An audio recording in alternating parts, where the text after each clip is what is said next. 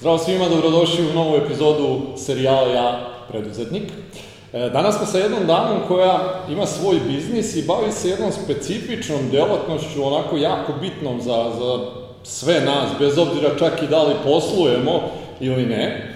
I e, tom industrijom se do sada nismo bavili, tako da mi je ova emisija onako jako zanimljiva i nadam se da će biti svima vama kako biste neke nove aspekte i neke nove lekcije mogli da naučite.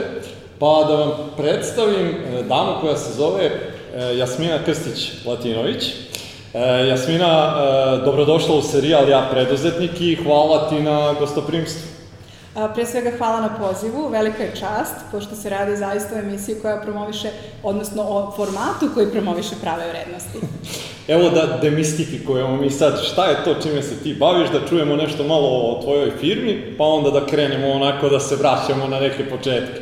A, firma koju ja vodim i koju sam osnovala je ProPR, to su odnosi s javnošću.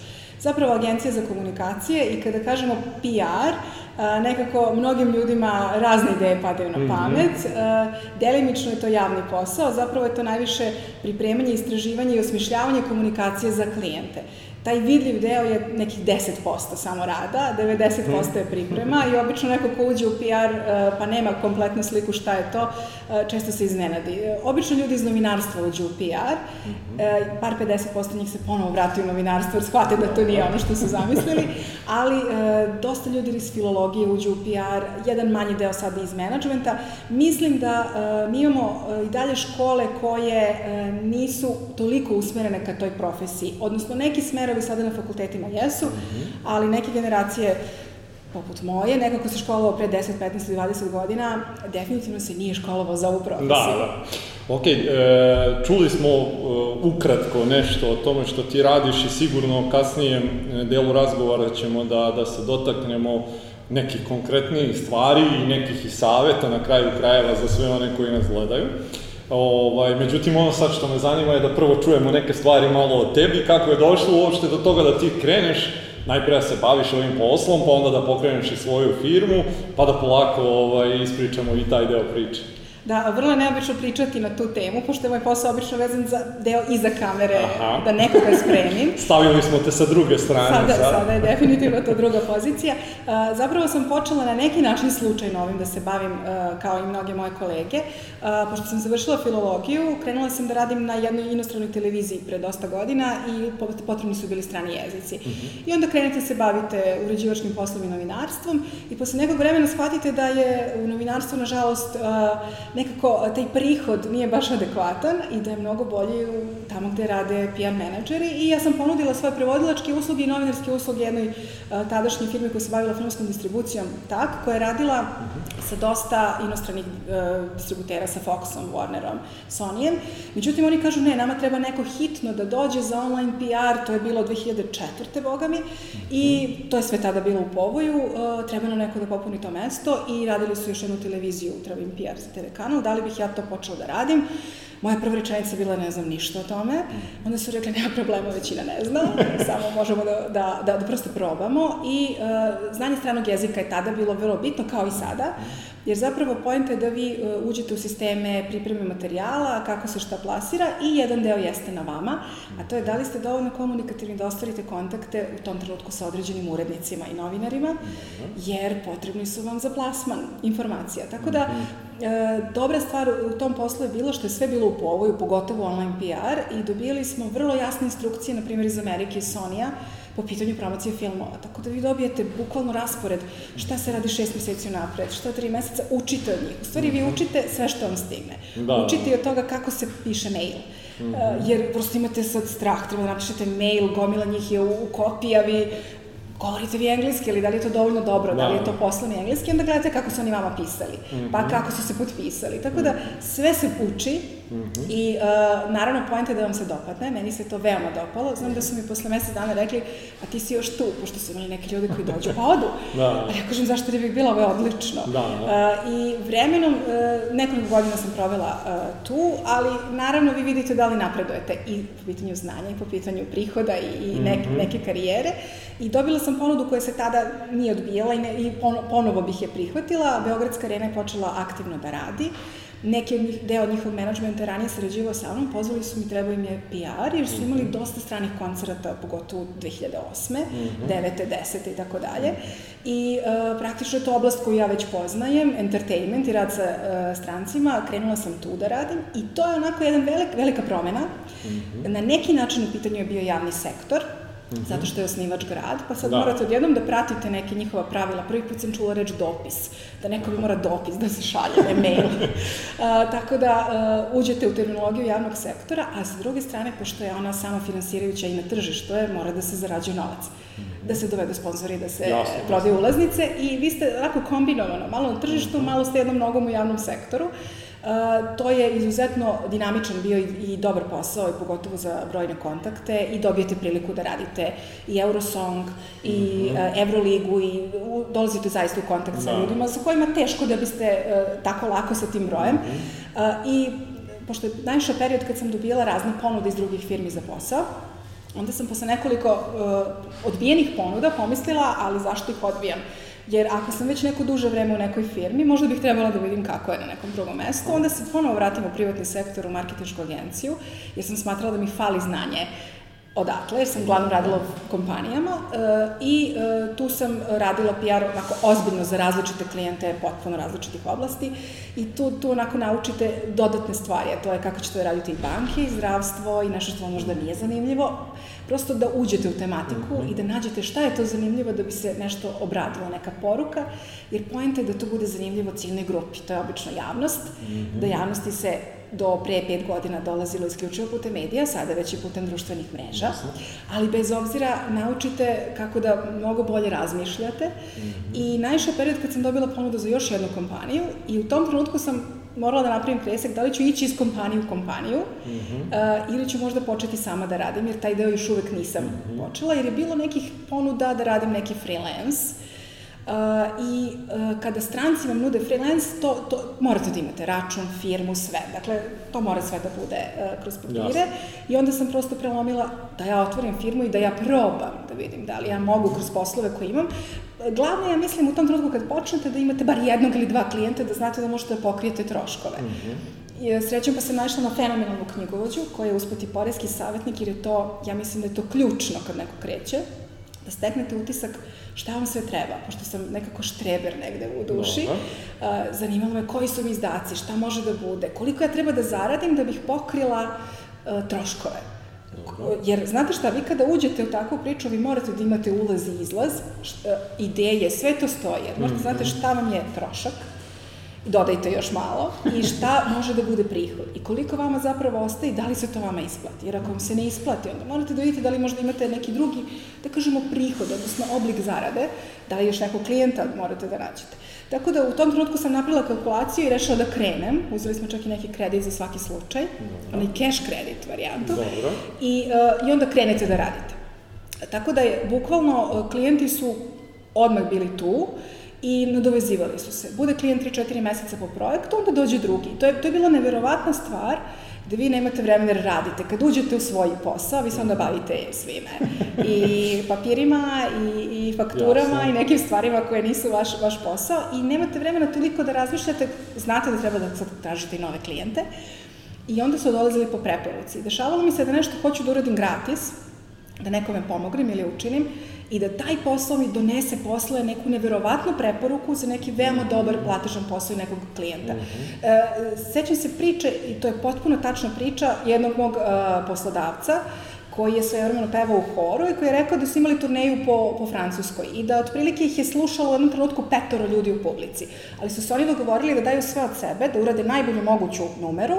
Ispostavilo se da jedan od tih petoro ljudi bio čovjek koji im je posle organizovao turneju po Americi. Mm -hmm. e, dakle, vi nikad ne znate da ko će da vas vidi i čuje, a drugo, ako već radite posao, radite ga kako treba. Mm -hmm. Dakle, povremeno volim da uradim neki, da kažemo, uh, uh, CSR, odnosno nekome da pomognem koji izdaje neku knjigu ili uh, za neku možda humanitarnu, humanitarni cilj, ali nešto što se ne radi za novac, mm -hmm. ali kada uzmete to da radite, pojenta je da ga ne radite kao usputću, nego da uradite sve ono što mora da se uradi što je do vas.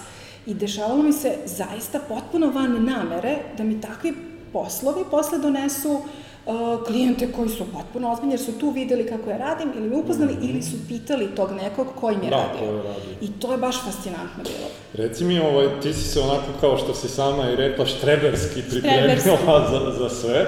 E, što se stručnosti tiče, znači imala si e, dosta dugo e, rada u samoj da. struci i na jako ozbiljnim spomenula si i Euroviziju, Euroligu i Nick Cave i Simple Mind, Simple Jeste. Red, gledao sam svašta ovaj, šta si radila u karijeri. E sad me zanima ono sa, sa e, strane, ako maknemo samu struku, šta su ti bili najveći izazovi kad si pokrenula firmu koji nemaju veze ovaj, sa strukom, ok, rekla si isto sad moraš da vodiš računa o svemu tome što do sad nisi radila, Kako ti je sve to izgledalo i šta ti je predstavljalo neke najveće izazove u tom trenutku da, da možeš da nastaviš dalje da ideš sa svim? Da, bude perioda kada imate fantastičnu godinu, bude perioda kada imate lošu godinu. I onda se nekako pomirite sa tim da je to normalno mm -hmm. i da je jedino izvesno to je da je stalno neka promena. Mm -hmm. uh, meni je trebalo, evo sad već 8 godina da, da, da uđem u to, da se e, previše ne uzbudim, naravno uvijek se iznervira tako nešto ne ide po planu. Uh, Poenta je da se trudite da imate dobre saradnike, jer uh, teško je raditi sami. Mm -hmm. I onda kada radite sami vi ne možete sve da postignete, kada vodite firmu vi zaista morate da vodite računa baš o svemu. U smislu, i koji je prostor dakle radite, kakva vam je tehnika, da li morate da uložite možda u neke rezervne stvari koje vam trebaju. Kod mene glavne mašine su laptop, štampač, mm -hmm. tablet, telefon, dakle morate da pazite da realno dve godine maksimum koliko će izdržati taj jadni uređaj koji god daje, uh, da vodite računa da imate novce za te stvari, uh, da vodite računa da o saradnicima, da ih plaćate na vreme. Odnosno, kada se ugovaraju poslovi, uh, po meni, radila sam nekoliko projekata Europske unije i tu sam videla da oni imaju najbolji po meni sistem saradnje, ugovor po projektu. Projekat može da bude godinu dana, tri godine, može da bude na neodređeno, može da mhm. bude je, jedan mesec. Ali da svako zna kada će biti plaćen, koji je, koji je iznos i onda nema problema, Svi, svako samo radi svoj posao. Veoma je bitno da uh, se odrede saradnici koji znaju da rade i da svako radi svoje i da znaju da novac neće biti problem. Uh, često se čuje da neko nekome duguje, da se, uh, nažalost, tako nam je postala klima, pa onaj mhm. čuveni rok plaćanja od 60 dana. Uh, zapravo, poenta je ako i dođete do klijenta za koga znate da ćete imati dug rok plaćanja, da imate ipak nešto obezbeđeno da to premostite e, morate da imate neku, e, uzmite kredit, ili bilo šta, da ne uđete u poziciju da dugujete svojim dobavljačima, koji će vam mhm. trebati i za naredne poslove, jer može da se izgubi poverenje. Mm -hmm. Bitno je raditi sa što pouzdanim ljudima, koji imaju poverenje u vas i vi u njih, mm -hmm. i mhm. onda posao mnogo lakše ide, čak i kad su nepredviđene stvari. Mm -hmm. Pa čak se desi da neko kaže, ma sačekat ćemo plaćanje, vidimo da je ovde problem. Da. Ali meni je lakše da dam svoj novac. Uh, uh, ni, ni, nekako, mislim da ne treba ulagati uh, u, ne znam, veliki auto i odjednom letovanje zimi i obrnuto, da pokažemo da smo zaradili, ne, nego treba ulagati u posao da on teče normalno. Um, I veoma je bitno imati nekoga ko zna porezki sistem dobro. Uh, ovde je najslabija karika po meni, po mom iskustvu, porezki sistem, zato što vi kada uđete u preduzetništvo, prvo što se šokirate, da vi u stvari ne znate, ako ste paušalac na početku, a svi smo na početku paušalci, vi ne znate koliko ćete plaćati. To jest, pre nego što priložite papire, vi shvatite da to može da bude od do, pa čujete ko je koliko platio i onda ste potpuno tek tad uđete u tu neku zonu da. šta, u šta sam ušao. E, kao, kako ne znam. Uh, tako da paušalci uopšte ne znaju. Onda kad dođe taj finalni obračun, obično bude u avgustu, onda se svi šokiraju jer svi moraju da doplate i to nešto puno. Uh, posle se naučite pa plaćate više. Uh, I onda kad dođe, ili platite nešto malo, ili ne platite ništa.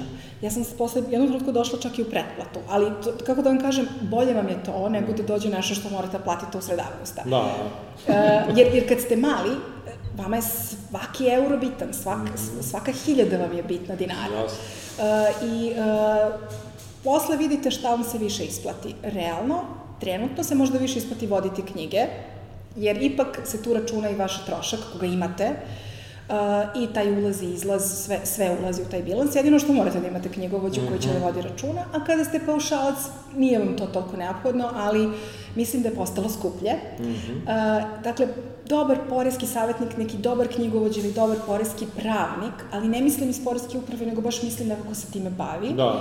vam je neophodan. Uh, da biste stekli utisak uh, gde ste, šta ste, jer je najgora stvar kada se duguje države da ne znate. Mm -hmm. Mislim da je to u ovom trenutku najgore. Da. Znam, znam dosta firmi koje su onako u nekim ovaj, iznenadnim problemima. Um, a s druge strane, um, bilo bi lepo da imamo poreske savjetnike u samoj poreskoj, oni se više svode na poreske inspektore, tako da kod nas to još uvek je taj neki nesređeni sistem, mm -hmm. nažalost, ja se nadam da će to rešiti uh, i do tada dobro je ući u neka udruženja. Da li je to udruženje vaše struke, da li je to udruženje poslovnih žena, da li je to udruženje neko na lokalu, uh, da prosto vidite kakva je tu klima, nekad se nude neke edukacije besplatno, mm -hmm. za preduzetnike je bitno da imaju pojma i o računovodstvu, ne možete da prepustite drugima vaš posao. U smislu, morate da znate šta vam je ulaz i izlaz, ako je neki problem, knjigovođa će vama javiti, ali vi morate da znate šta je u pitanju. Mm -hmm. Dakle, ne možete kao, ove papire, ja, ja se u to ne razumem. Da. A, ako neko ima divnu ideju, a nije svestan uh, papirologije, nije svestan sistema, može da ima velikih problema ni iz čega. Dakle, morate da se uputite malo i u knjigovodstvo, malo više, mm -hmm. uh, u taj zakonodavni sistem i naravno da, da, da imate želju da radite. Jer uh, preduzetištvo nije rad od 9 do 5, mada ja mislim da toga više nigde nema, vi ste stalno u tome, vi stalno nešto razmišljate kako, šta, svaki vaš susret na neki način, čak i privatan može da bude neki posao, jer vi, to je vaš život. Mm -hmm. Neko to voli, neko ne. Da. Neko voli da nosi laptop na odmor, neko ne. Sve zavisi. Naravno. Uh, mislim, lepo je, privilegije danas isključiti se, ali ako imate svoj posao, to je nemoguće. Da. Tako da, morate da imate internet.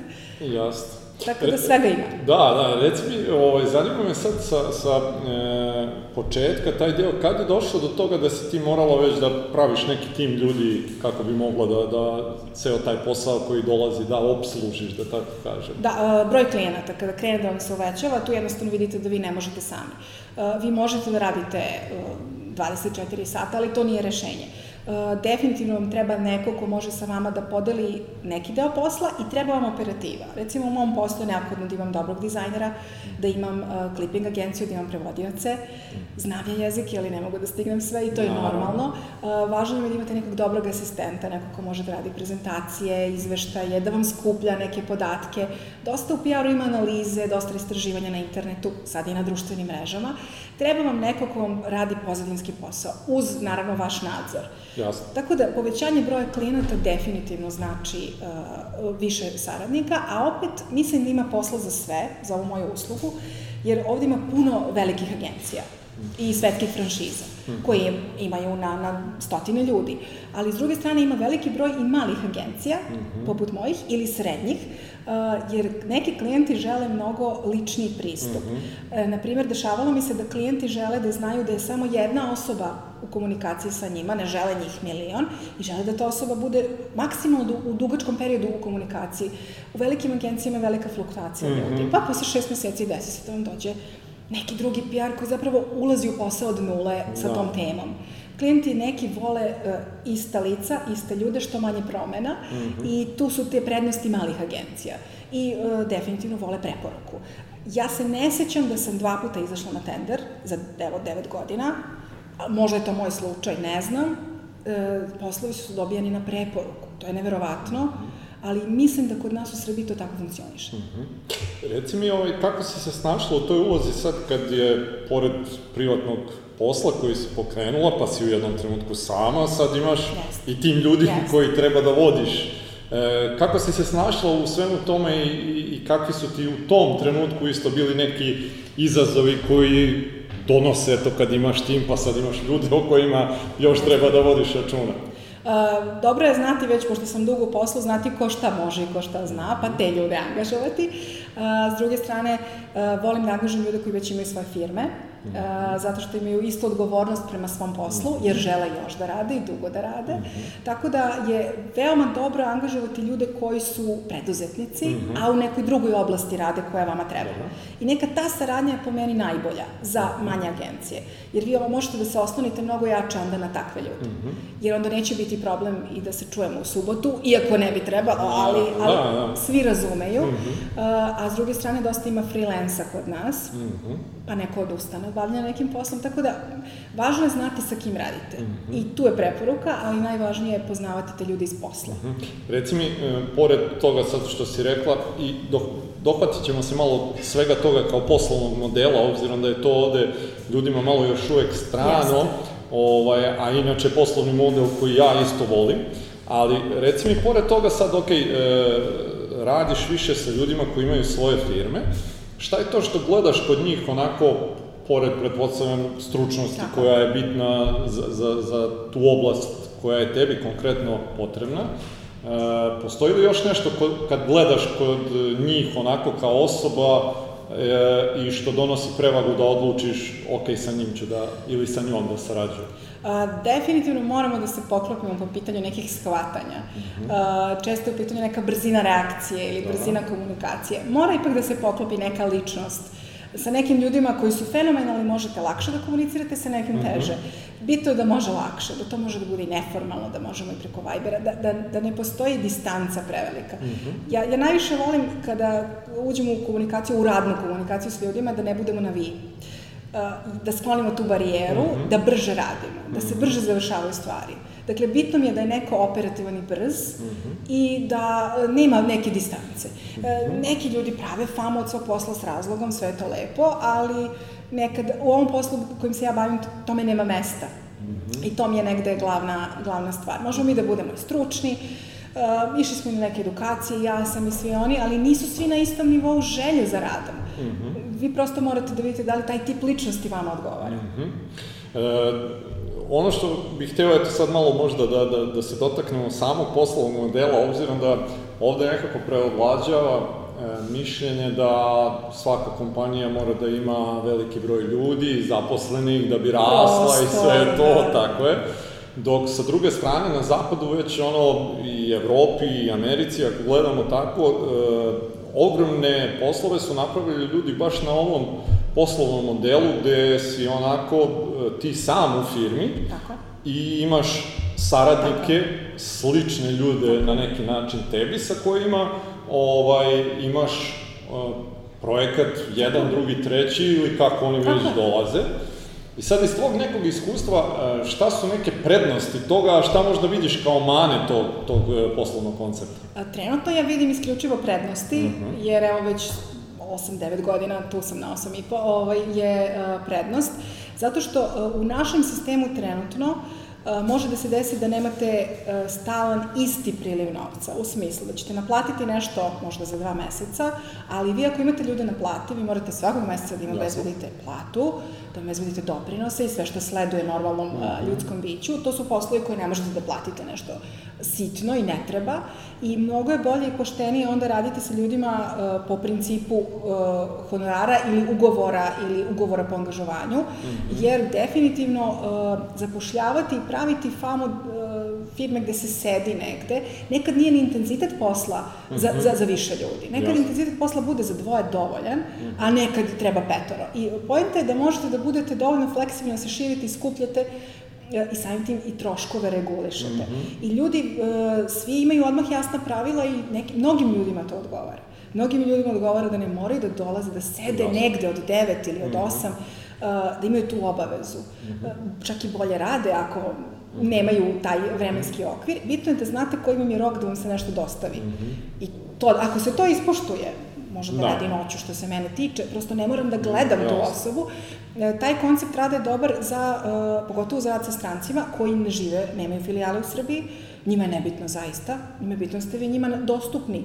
Uglavnom je to mail i Viber, ako su sastanci i dešavanja, naravno svi moramo da budemo tu, ali ne, njima nije bitno kako vi funkcionišete, bitno da im se uradi posao.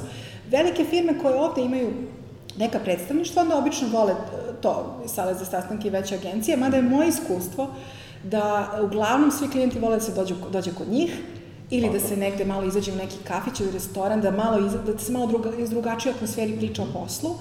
Nije mi se desilo da neko traži u sali za sastanke. Mi možemo ovde da sedimo mm -hmm. u coworkingu i to je super, ali nije se desilo da neko želi tu da dođe. Mm -hmm. Obično to iskoristimo kad je neki intervju ili neki mm -hmm. povod gde moramo da budemo uh, odvojeni, ali uh, definitivno klijenti vole uh, da, da sebi uh, uštede vreme mm -hmm. i realno ne zanima ih kako ćete vi da se organizujete ako oni imaju sve što im treba? Da, e, mislim da baš ono super mi je što smo se dotakli ove teme, obzirom da, da e, pogotovo u početku, a, to što si ti rekla, e, imaš pritisak onako ako imaš zaposlene i sve, da, da ti imaš neku odgovornost prema tim ljudima da obezbediš tu platu.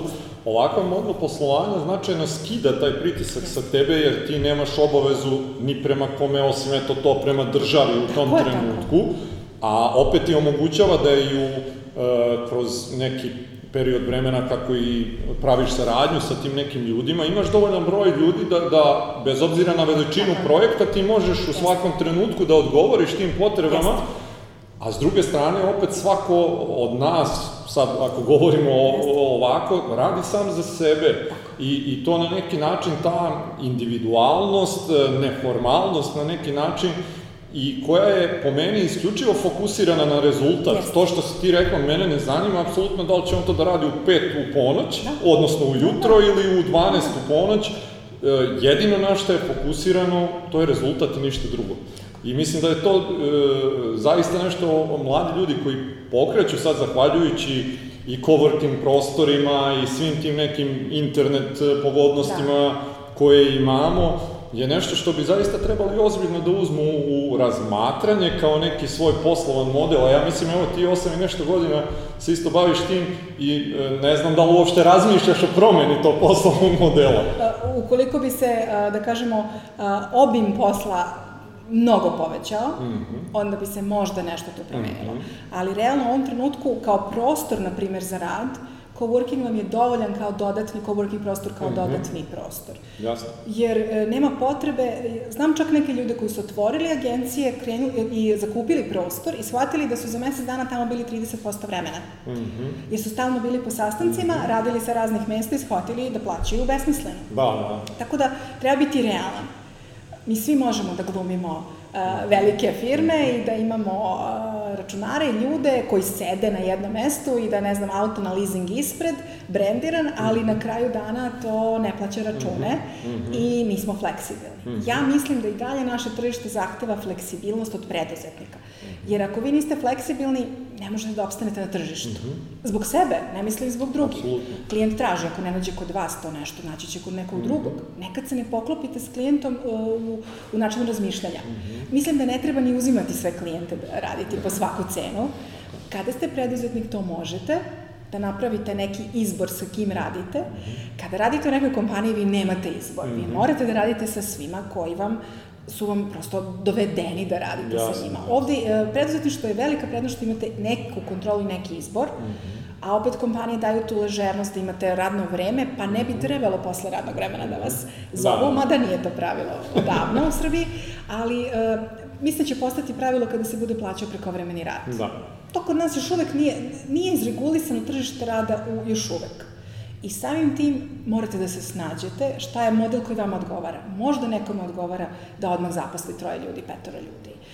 Možda se komotnije osjeća ako, ako ima firmu koja će neko da dođe pa da pokaže, evo tu su moji zaposleni. Mhm. Ali e, negde, slo, mislim da ljudi bolje funkcionišu kad imaju neku svoju ličnu slobodu, ili je to bar u mom poslu mm -hmm. stvar, budu kreativniji, niko ih ne tera da, ne znam, po lošem vremenu ili, ili kada je najveći zastoj u saobraćaju da moraju da stignu na vreme. Znate, da već ujutru imate taj stres. Da, da. Kad sklonimo taj deo tih formi, e, pojenta je da se fokusirate na posao. Da.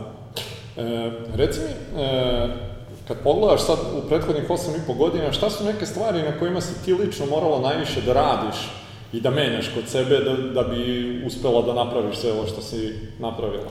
Još uvek menjam i radim, stalno nešto mora da se uči. Dobro.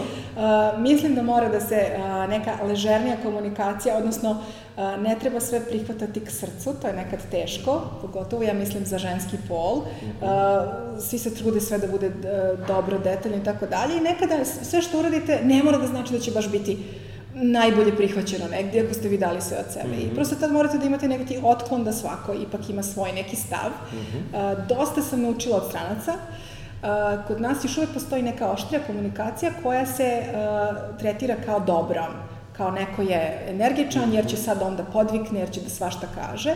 Um, kod stranaca je to mana. Mm -hmm. I znate, ono, ono nije problem, nego je izazov. Uh, sva ta terminologija njihova uopšte nije uzalud, oni su se vrlo razvili sve te sisteme i uh, ta neki mirnoća, koliko god je moguće, je neophodna i merenje svake reči. Nekako smo svi impulsivniji. Mm -hmm. Nigde nas ne uče toj poslovnoj komunikaciji mm -hmm. i morate onda sami. I ta poslovna komunikacija je stvar koju morate da vežbate mm -hmm. i naravno procena, to je najteže, procena da li je klijent s kojim krećete da radite, da li je kvalitetan, da li je sve u redu, da li imate neki, eh, da li ste se raspitali dobro, morate da se raspitate.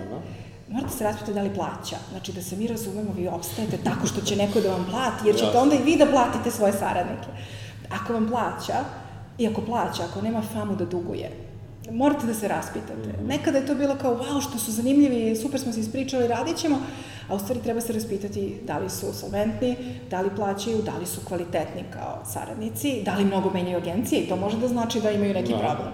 Tako da, e, rad, taj rad na sebi i ta komunikacija i raspitivanje o klijentima. Nekad svi budu mnogo srećni što su dobili posao, mm -hmm. ali je pojenta da se on završi, završi sa uplatom. Mm, jasno.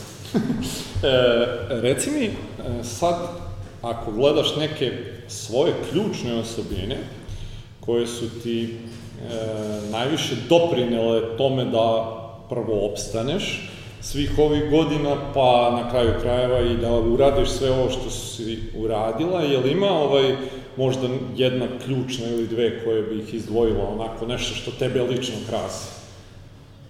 Možda je komunikativnost ili ta neka o, o, otvorenija komunikacija, dakle lakše stupanje u komunikaciju, da. prednost. Uh, razmišljam,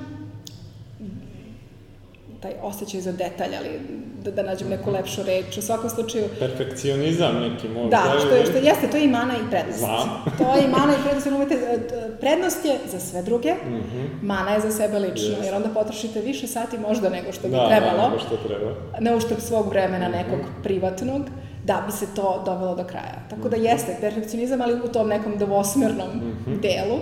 I, I mislim da je potrebno za lični biznis da imate tu neku strast, neki žar. Mm -hmm. Da se prosto, um, da vam se svidi neka ideja, da vam se svidi to što radite. Jer ako vi kao vi, pogotovo u ovom poslu, ne osetite da to što radite, to komunikacija, ta poruka koju prenosite dalje nije dobra, mm -hmm. neće sigurno osetiti ni taj neko kome prenosite. Dakle, ako ja ne vidim poentu nečega, ako ne mogu u jednoj rečenici da kažem to nešto što treba da prenesem dalje, Uh, onda moram da se vratim da se preispitam šta je. Morate da imate, da volite to što radite. Jer ako ne verujete u to što radite, vi to odrađujete i to se mnogo oseti. Mm -hmm. Kako si se snalazila sa prodajom samom, kao i si imala možda tu neku onako e, e, prepreku da, da e, većina ljudi onako ima da, taj da. problem. Rekla si da si dobra sa komunikacijom, da ti je to nekako bilo i prirodno Tako. i zbog školovanja Jeste. i svega što si prošla. Međutim, to apsolutno ne mora da znači da ti je prodaja bude lagodna. Jesi imala izazov sa tim? Da, da, da, to je, to je zanimljivo. U početku vas bude čak i sramota da vi sad pitate kada je plaćanje koji je rok plaćanja ili da pitate uh, hoćemo li sve odjednom ili da tražite avans ili da tražite deo avansa. I bude vas sramota to kad ste na početku, da. to je bar kod nas, kod mene i kod nekih mojih saradnika bio slučaj i onda ih ja međusobno se pitamo dobro koliko će da plati kada, uh, to nismo prošli, e, taj deo. I, i e, tako da to jeste nešto na čemu treba raditi, to donosi iskustvo, gde morate tačno, e, najbolje da tačno znate sve detalje, uključujući i taj. Uh, detalje posla i detalje plaćanja. -hmm. obično kad ste na početku, vi ste toliko srećni da dobijete posao da se ne bavite tim stvarima i čak kao bude vam neprijatno što biste se da. platit će oni. na kraju se sve svodi na to, da li je klijent zadovoljan i ako jeste, bit će sve u redu i dobit ćete još posla. Mm -hmm. um, ugovori, tu isto treba raditi, nekad su bitni, nekad nisu dovoljan je mail, ali je izuzetno važno imati pisani trak. To je mhm. nešto opet što vremenom naučite. Mm -hmm u mailu, u poruci, u bilo čemu, da prosto se vidi da se niste sporo, pogrešno sporazumeli. Često ljudi ovde vole telefonom da završavaju, mnogi dalje ne vole da pišu. Da. Onda je dobro možda kad se čujete i kad nešto dogovorite, da vi to napišete u mailu i samo da kažete da ne bude nesporazuma, samo da napišem da vidimo da li je to ono što sam ja shvatila, samo mi potvrdite. Mm -hmm. Važno je da imate neku potvrdu zbog sebe, zbog svog rada. Mm -hmm. Nije problem na kraju nešto i se ne plati u krajnjoj mm -hmm. liniji, nego je poenta da ne potrošite vreme uzalud, da ne bude neka loša energija i komunikacija bez razloga. Mm -hmm. Tako da ima tu prostora za, za sve. Mm -hmm. Jesi imala ti neke strahove možda, ono, ili na početku, kroz ovaj period ili možda i dan danas, jel postoji nešto A uvek. onako? uvek su ti neki strahovi kao da li će to sve, da li je neki, da, da li su sve, da li je sve plaćeno, da li su svi prihodi ok, da li, prosto morate da znate uvek na čemu ste, koliko možete da, da kreditirate sebe, mm -hmm. uvek su ti strahovi da li možete da opstanete. Mm -hmm. recimo, sad, Pričat ćemo otvoreno. U mom poslu dosta ima agencija koje rade uh, vrlo blizu određenih političkih partija. Ne mislim sad na ovaj sistem, mislim na sve sisteme. Uvijek, da. Toga je bilo. Pa onda ljudi koji se nikada nisu bavili PR-om, osnuju agenciju, imaju klijente. Super rade, onda odjednom više ih nema, pa dođu drugi. Mm -hmm. I onda je tu bitno nekako žonglirati, mm -hmm. uh, malo onako slavom raditi, ne, ne raditi takve klijente, jer nema potrebe, ima posla za sve. Mm -hmm i, i ne, prosto ne ulaziti možda u neke klanove. Negde neki, uh, imam neke zamerke sad strane nekih kolega zašto se ne eksponiram više, ali mislim da nema potrebe, jer ovo tržište još uvek nije toliko stabilno, mm -hmm. da biste, ne znaju se još uvek jasna pravila. Mm -hmm. Nekako se svi snalaze na neki način. I onda kada se eksponirate, postanete suviše vidljivi, taj neki strah uh, dešava se da imate neke, a, prosto, da kažemo, prozivke kao zašto baš ti to radiš, kako to da baš ti radiš mhm. ambasadu tu i tu. Mhm. To, to je neverovatno. Mhm. To, to su neverovatne stvari i onda, onda vam je, uh, imate taj potrebu, ni da se pranite, najbolje ne, ne, ne ulaziti u te priče, ali definitivno strah jeste i dalje od toga da je tržište nestabilno i da vi nikad ne znate, nekad neka viša sila utiče da klijent prosto mora da radi sa nekom drugom agencijom i vi ste pitaju da znate da je to tako, da to nije do vas i da ste u, varijanti u redu je. Mhm. Jer, e, mislim, to nije slučaj samo kod nas, to je slučaj širom Jasne. sveta neko direktor, neki board je odlučio da se radi sa nekim drugim, iz nekih drugih razloga i to je potpuno u redu. Tako da e, sve što imate nikad ne mora da znači da je Eh, da će to tako da bude sledeće godine. Mm -hmm. Čak ne mora znači da tako biti za dva meseca. I to ja mislim da je u svakom našem poslu, nije samo u PR-u. Mm -hmm. uh, jednostavno, mnogi zavise od tih dobavljača, klijenata i svega i može se desiti da neko prosto otkaže saradnju. Mm -hmm. Reci mi kad pogledaš uh, unazad, uh, imaš možda da izvojiš nešto što smatraš svojom najvećom greškom? Možda u početku su to greške, taj nejasne definisani rokovi plaćanja i ostalo. Mhm. Dakle, to, to jesu greške, definitivno. Okay. Uh, naučili smo taj, uh, jedna koleginica, ja smo razvili sistem uh, Gandhi stil, uh, kako, ka, kako da naplatite nekoga ko, ko neće, uh mhm. -huh. uporno i, i pristojno i fino, ali uporno. uh, ovaj, prosto, greška u početku, definitivno to, uh, ulazak u poslove gde nije sve jasno izdefinisano. Mm -hmm. Morate da znate što, sve jasno izdefinisano. Mm -hmm. Do naj, najvećih sitnica. E, sve što vas zanima da biste uradili posao. Mm -hmm. I da pitate sve što vam nije jasno. Mm -hmm. I te greške na početku se obično plaćaju. -hmm. Trošite neko vreme pa se ispostavi da to baš nije to. A, jedna od velikih grešaka je spuštati cenu, po meni. Mm -hmm. Kada neko u startu traži da se nešto spusti ili nešto mnogo, mm -hmm kako znam, kažem, vi ne možete da radite nekome 20% niže posla. vi ćete raditi to ja. sve, imate iste saradnike, mm -hmm. a za nižu cenu i obično se dešavalo taj ko traži da se spusti cena, bude mnogo zahtevniji nego što deluje na početku. Da. Tako da je glavna stvar, uh, pokušavam, eto, sebe da nateram, uh, ne spuštati cenu. Odnosno, kad neko traži nižu cenu, samo se pozdraviti, nema problema. Mm -hmm. Najbolje ići kod nekog drugog. Mm -hmm. E, ispostavi se da ljudi koji se cenkaju na našem tržištu, nisu baš um, nisu baš uh, za saradnju tako prilagodljivi. Mm -hmm, mm -hmm. Tu, tu treba paziti. Dobro. Htio bih sad se dotaknemo u ovom delu razgovora baš same tvoje profesije i uopšte da, da, da malo uh, ljudima približimo uh, konkretno neke stvari koje ti radiš. Obzirom da ja mislim da ovde jako veliki broj ljudi i dalje meša PR sa nekim kao marketingom Marketing. ili tako nešto. Da. Pa, e, hteo bih ako možeš ti recimo na nekim, ajde možda i konkretnim Tako primjerima ili sve, to je možda najlakše ljudima za razumevanje, da objasnimo šta je to u stvari onako što ti radiš i zašto je to na kraju krajeva i važno, važno. uopšte. PR nije uopšte profesija koja je mlada, ali ta neka struka i taj neki uh, poziv kod nas je relativno nov. Nov zato što je u poslednjih 10-15 godina.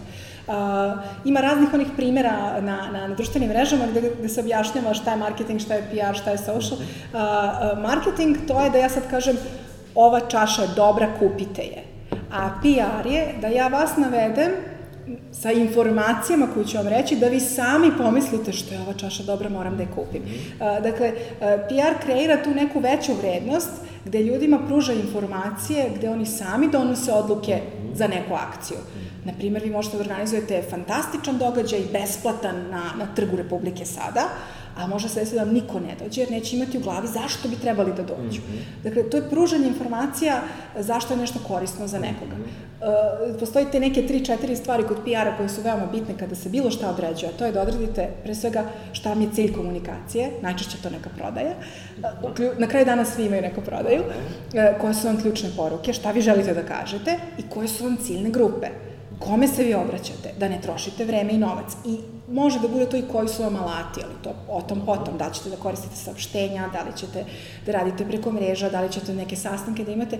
PR se odnosi ne samo na odnose s medijima koji su najvidljivi, odnosi se i na internu komunikaciju. Veoma je bitno unutar firme da ljudi znaju koja su pravila, šta se komunicira. E, pre svega veliki sistemi. Zaposleni su najbolji PR-ovi svojih firmi. Jer jedan zaposleni može da ispriča svom a, rođaku i komši sve najbolje ili sve najgore o firmi mm -hmm. u kojoj radi. Taj će preneti dalje. Dakle, Jasne. to je ljudi najviše veruju i dalje tom uh, ličnom mm -hmm. kontaktu i ličnom iskustvu osobe koju poznaju. Mm -hmm. Zato su društvene mreže toliko popularne. Preći ljudi otići na preporuku filma ili nečega što su videli od osobe koju poznaju da je preporučila, uh, nego da vide oglas. Jer kao, ha, oni moraju da prodaju hoće. Je neko rekao, odlična je predstava, pa ću ja da odem. Mm -hmm. uh, PR ima taj deo koji je malo veći, da kažem, pozadinski rad. Mm -hmm. I PR je veoma bitan, postoji taj business to business, gde se organizuje vezano isključivo za poslovnu zajednicu. Vi hoćete da se obratite putem određenih konferencija poslovnoj zajednici, vama ne trebaju tu mediji u toj meri, vama treba da nađete te ključne osobe koje su vam bitne, odnosno dobru ciljnu grupu. Tako da, e, PR je veoma bitan za svakoga. U Americi ja znam da postoji pizzerija, angaže PR-a, najnormalnije PR agencije žele u tom kvartu da budu najbolji. Mm -hmm. osmišljavaju komunikaciju, kome se obraćaju. Marketing naravno služi i za oglašavanje i za promociju i tu je više taj i vizual. Oslanja se PR na sve to, oslanja se i na društvene mreže. Uh, vi imate PR komunikaciju na društvenim mrežama, ali sve što se radi o programiranju, o nekim drugim gadgetima, to moraju da rade ipak ljudi koji se bave digitalom, ali vi ste tu da osmislite kako će ta poruka da ide ka, ka korisniku jer korisnik ne zna da li je to, uh, koji je to format i šta je urađeno za taj format. On samo pročita tekst. Da li treba da ide više teksta ili manje teksta? Mm -hmm. to su stvari koje radi PR. Ka, kako bi ti sad, ako e, da se stavimo u, u, u cipele, što kaže Tako. E, nekog od ljudi koji nas prate, koji su tek tu negde na početku ili možda tek razmišljaju da pokrenu tu svoju neku firmicu ili preduzetničku radnju, što je god to bilo.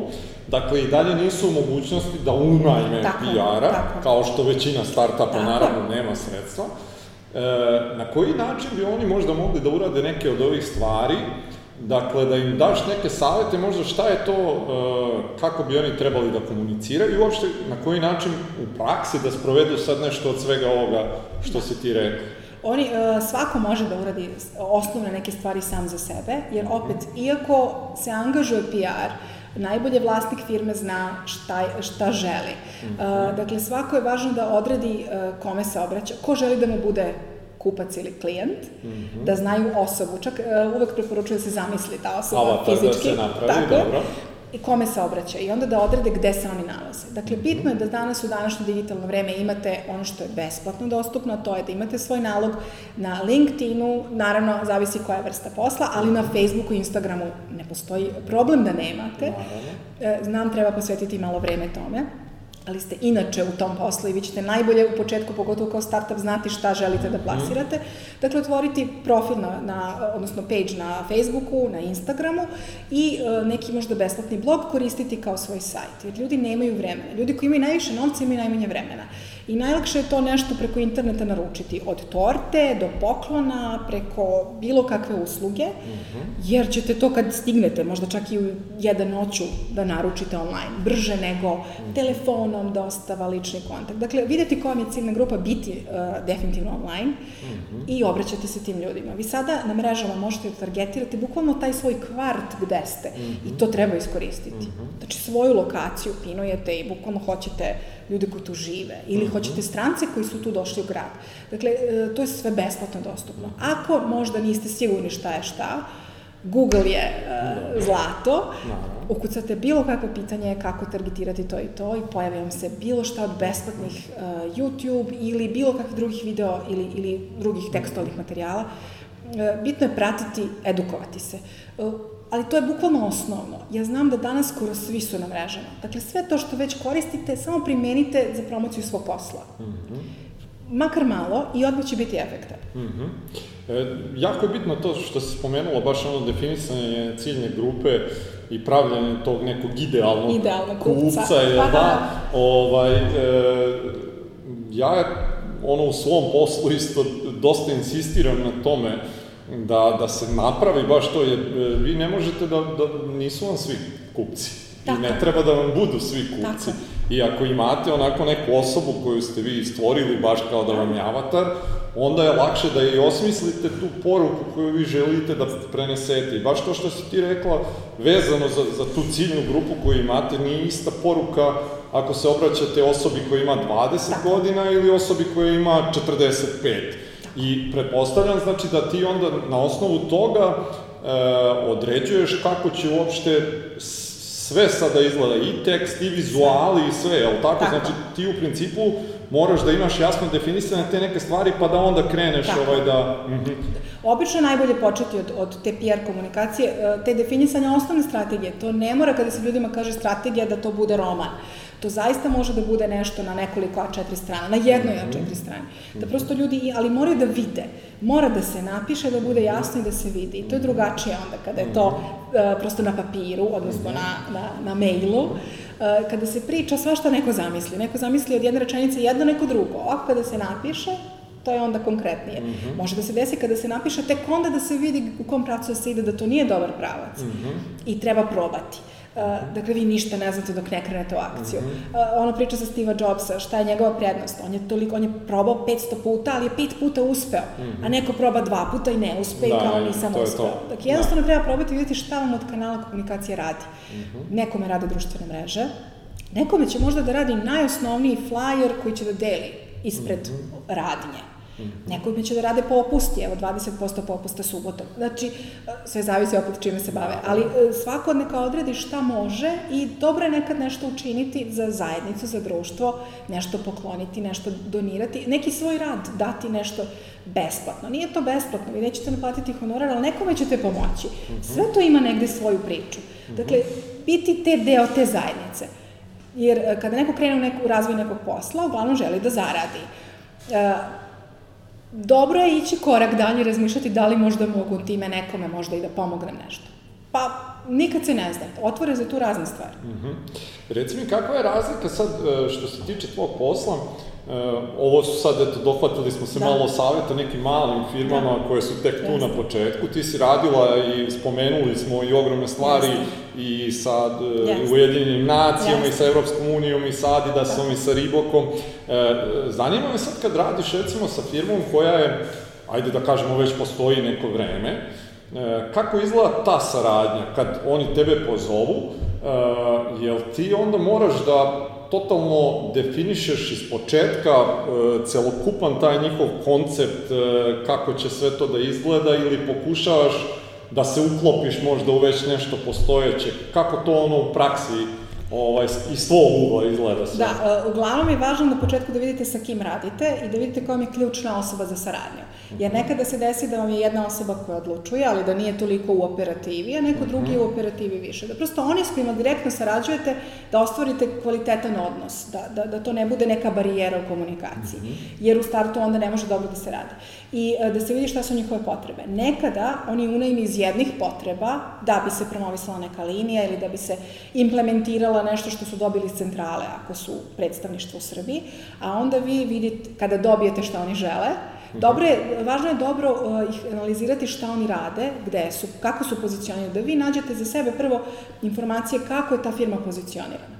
Oni vam prenesu svoje želje i potrebe, mm -hmm. a onda vi to uklapate i onda kažete ovo što vi želite bi moglo bolje, da ima bolji efekt ako uradimo na ovaj način. Naravno, na klijentu je da odluči, mm -hmm. ali na vama je da im predočite šta sve može i šta je dobro za njih.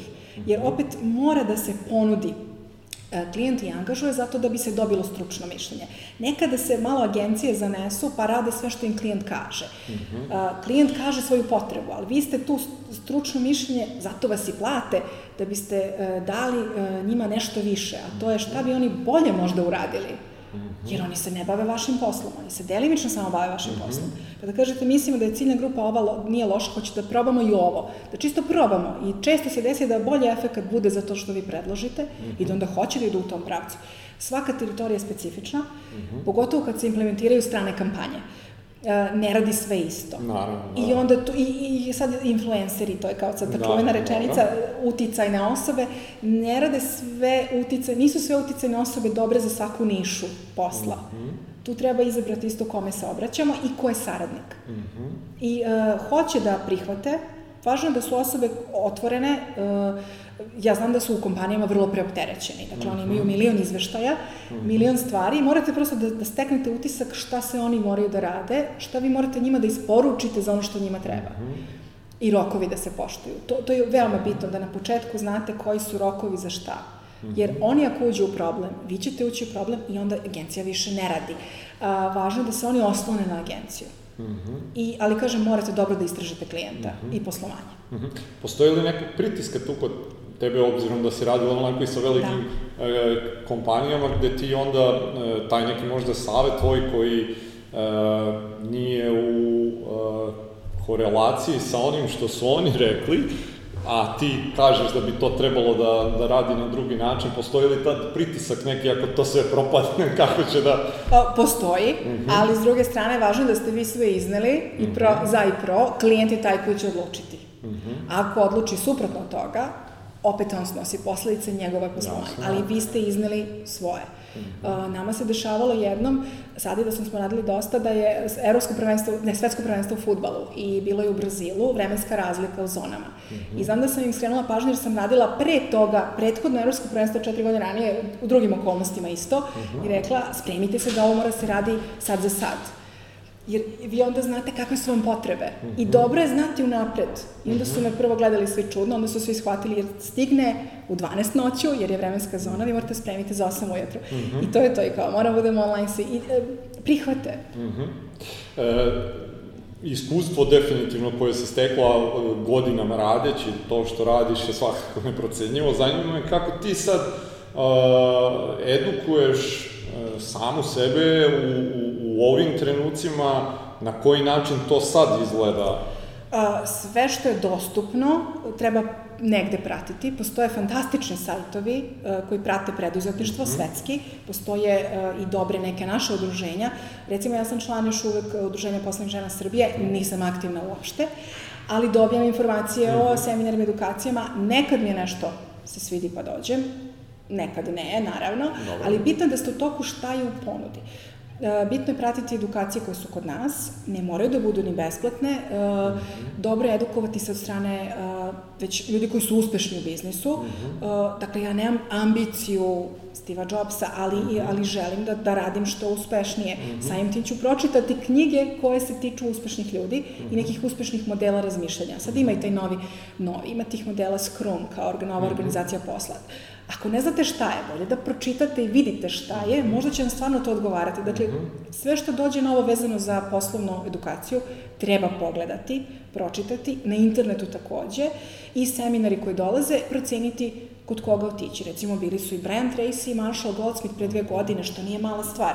Mm I prosto treba takve stvari čuti od tih ljudi direktno. Mm -hmm. I to, te stvari mnogo znači. Dakle, edukacija mislim da mora da bude stalna mm -hmm. i zavisi čime se bavite i edukacija u svom poslu. Mm -hmm. Recimo, društvene mreže se stalno menjaju i trudim se da ispratim uh, inostrane predavače koji ovde dolaze uh, po pitanju uh, društvenih mreža. Mm -hmm. Okay.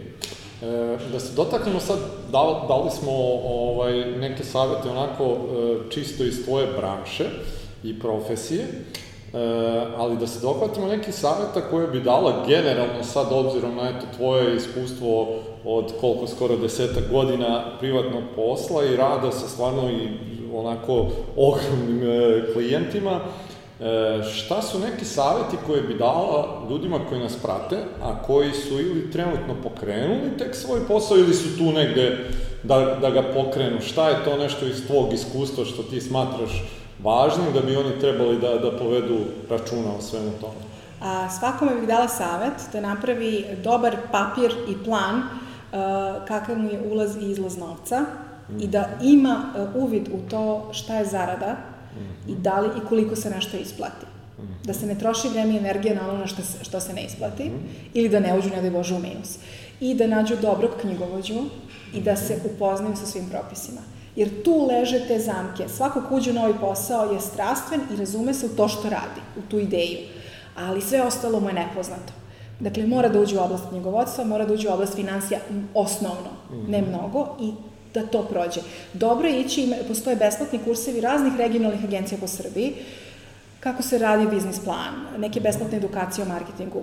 Uključiti se, u, u prosto prijaviti se, uh, ima, ima programa, ima programa koje inostrane neke uh, agencije uh, finansiraju, mm -hmm. ima programa koji mogu da vam pomognu.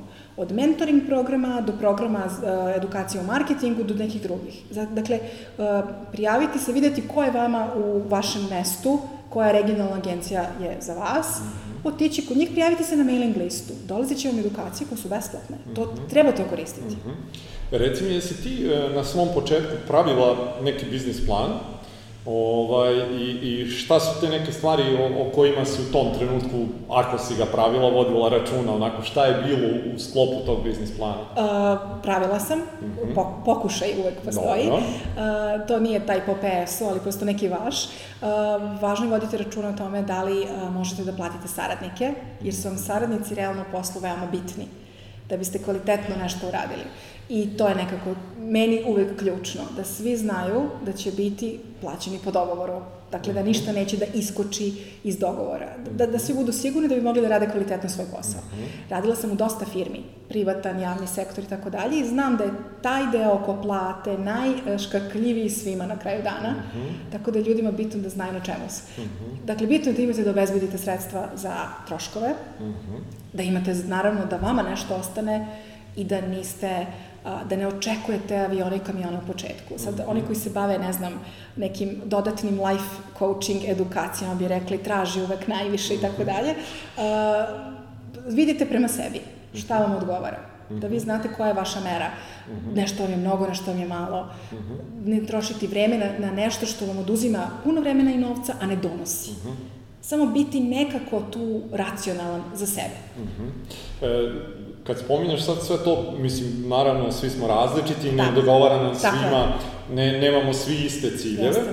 Zanima me, kod tvojih ciljeva, kad si pravila, jesu oni bili e, kratkoročni, dugoročni, kako je taj... E... e da, išla sam kratkoročno korak po korak, da vidimo da li ćemo opstati godinu dana. Dobro. Pa onda svi kažu godinu dana je ključno. Pa onda mm -hmm. posle kad ostanete godinu dana, onda on svi pričaju prve dve godine je baš ključno. Da ostanete dve godine, onda kažu, Startupi su do tri godine. Dobro, prođete tri godine i onda kao, u prvih pet godina pola firmi, i onda kao, kao nema kraja, onda prvih tri, pa prvih pet, i onda posle, posle, posle pet godina, već shvatiš, ok, pet godina, ništa, jedino što shvatiš da nema uh, konstante, da moraš da se prilagodiš, da je to, uh, ima promena stalno, bude fenomenalni godina finansijski, bude loši, mm -hmm. i da to nije nešto što je trajno. Dakle, to sve dođe i prođe. Iako je loša godina, ne znači da je to kraj, mm -hmm. samo znači da treba malo se možda sabrati u svakom pogledu, sačekati, možda primiriti malo neke svoje isto izdatke, mm -hmm. doći će dobra godina. Zaista nema pravila. Mm -hmm. I treba biti svestan da je e, promenljiva stvar na tržištu normalna stvar. Mm -hmm to shvatite posle pet godina uglavnom, ali, ovaj, ali su, ne dešava se da se baš uvek ne nervirate, kao da. kako sad ovo nije išlo. Ka, kako si se ti sa tim nekim neuspesima ovaj, nosila? Jesu uticali onako suviše emotivno na tebe ili si se trudila i kako si ih prevazilazila na kraju krajeva? Kako kad, kako mhm. -huh. kad. Važno je, mislim da je važno imati neki privatan život ipak. Mhm. -huh. Važno je imati, ako je moguće, porodicu. Opet kažem, nije to sad kao da neko želi, ne želi. Tu je i sklop okolnosti ljudi. Mm -hmm. ne, ne možete tek tako nikome da kažete, ali treba imati privatan život i negde se malo odvojiti od te gužve, jer onda se mnogo bolje razmišlja. Mm -hmm. I podeliti možda sa nekim ko nije iz tog vašeg biznisa, ali je upućen, neko iz porodice, ko bi s vama mogao da uh, podeli. Naravno, bitna je podrška porodice, mm -hmm. jer pogotovo ako imate neki nenormalan radni broj sati, mm -hmm. u određenim periodima neko mora to da pokrije uh, mm -hmm. u privatnom životu za neke obaveze koje su svakodnevne, tako da izuzetno dobro ako neko ima potporu u porodici. Mislim da je to u našem sistemu i svetu neophodno, a negde se podcenjuje. Mm -hmm. Jesi imala ti, eto sad si spominjala da, da je jako bitno da imaš nekome da se obratiš, uh, sad uh, sa poslovne strane jesi imala možda nekoga koga bi E, za neki baš savet bitan, onako poslovni, da kažemo da ti je neka vrsta mentora bio ili tako nešto kroz, kroz ovaj preduzetnički vek ili sad na da, kraju kraja? Da, u, u suštini ne. Pojedini klijenti i saradnici su mi bili vrlo korisni i inspirativni. Uh mhm. -huh. sada imam saradnike koji su sjajni, recimo koristim Marko Burazur koji je poslovni konsultant, ja ga često pozovem za neke dileme uh -huh. i mhm. uvek je dobro imati nekoga ko je van tog vašeg, da kažemo, problema, mnogo će realnije da vam da svoju sliku to jest da kaže preterujete ili sačekajte ili, to je veoma bitno. Neko ko je vaš blizak saradnik i radite na nekom poslu, ne može da bude mhm. toliko objektivan kao neko sa strane, a opet dobro imati nekog poslovnog konsultanta. Mm -hmm. Tako da, i nekog koga imate poverenje. Mm -hmm. Mm -hmm. Reci mi, što se poverenja tiče, uh, jako je bitno da tvoji klijenti steknu isto Jeste. u tebe. Pogotovo što se bave onako jednom jako e, ti se, odnosno Jeste. baviš jednom onako e, stvari koja njih malo te ne može da uništi ako Jeste. njihov imidž u... u e, na koji način ti uspeš da stekneš to isto poverenje od, od njih? A, dobro je ako a, izađete u susret a, njihovim očekivanjima, to je obično neka lična stvar. Vi uradite sve što je dogovoreno na papiru, ali ako se uradi nešto da oni budu zadovoljni, uh -huh. To nešto više što se dobije, onda oni uh, steknu poverenje i opet vi raspolažete često sa gomilom poverljivih podataka. Mm -hmm. Veoma je bitno da oni budu svesni da je to zaista uh, poverljivo i da to ne ide dalje. Mm -hmm. Kada je krizni PR u pitanju, tu je izuzetno važno da znate sve informacije. Mm -hmm. E, tu, tu morate da znate svu istinu, ako je mhm. nešto problematično, da biste znali ne, e, kako da se šta plasira, dakle ne treba lagati, to je ključno. Mm -hmm svaka informacija koja se plasira mora da se plasira, ali na određeni način, mm -hmm i u određenim okolnostima. Mm -hmm. I, i uh, klijenti imaju poverenje ako znaju da, da, da to što su sa vama podelili ne ide dalje. Često uh, nije krizni PR, ali su poslovne informacije, da li neko neku radnju zatvara i tako dalje, pa ne želi da se o tome priča. I, i samim tim uh, komunikacija se ne bavi prodajom, nego se bavi imidžom i nečim drugim, ali znaju da vi nećete od toga napraviti problem. E, htio sam baš da se dotaknem tog kriznog PR-a, ovaj, obzirom da, da e, sad takva situacija, ono što si e, spomenula, društvene mreže da. i sve igra jako veliku ulogu i sad da uzmemo eto za primer da, da imate nezadovoljnog klijenta Tako. koji će da ostavi yes, komentar yes. na, na postu ili Tako. gde god već, šta je tvoj savjet, ok, sad si Jeste. rekla da ne treba lagati. Ne treba. I e, koji je najbolji način da se suočimo sa tom situacijom i šta su neki koraci onako koje bi trebali da uradimo u takvim trenucima, svi ih imamo, naravno. Glavna stvar u kriznom PR-u je e, tu negativnu stvar prebaciti u pozitivnu u svoju korist. Dobro. E sad, to ne ide brzo. Mm -hmm. ako neko ostavi negativan komentar, potpuno je u redu da se vi javite toj osobi u komentaru i da kažete žao mi je što imate takav utisak. Mm -hmm. da možda objasnite, ako je neka situacija za koju vi znate o čemu sad, da objasnite kako je do nje došlo i da ponudite nešto više. Evo, žao nam je, želimo da, mm -hmm. ne znam, dođete kod nas sutra na gratis nešto ili ako smatrate da, da, da treba.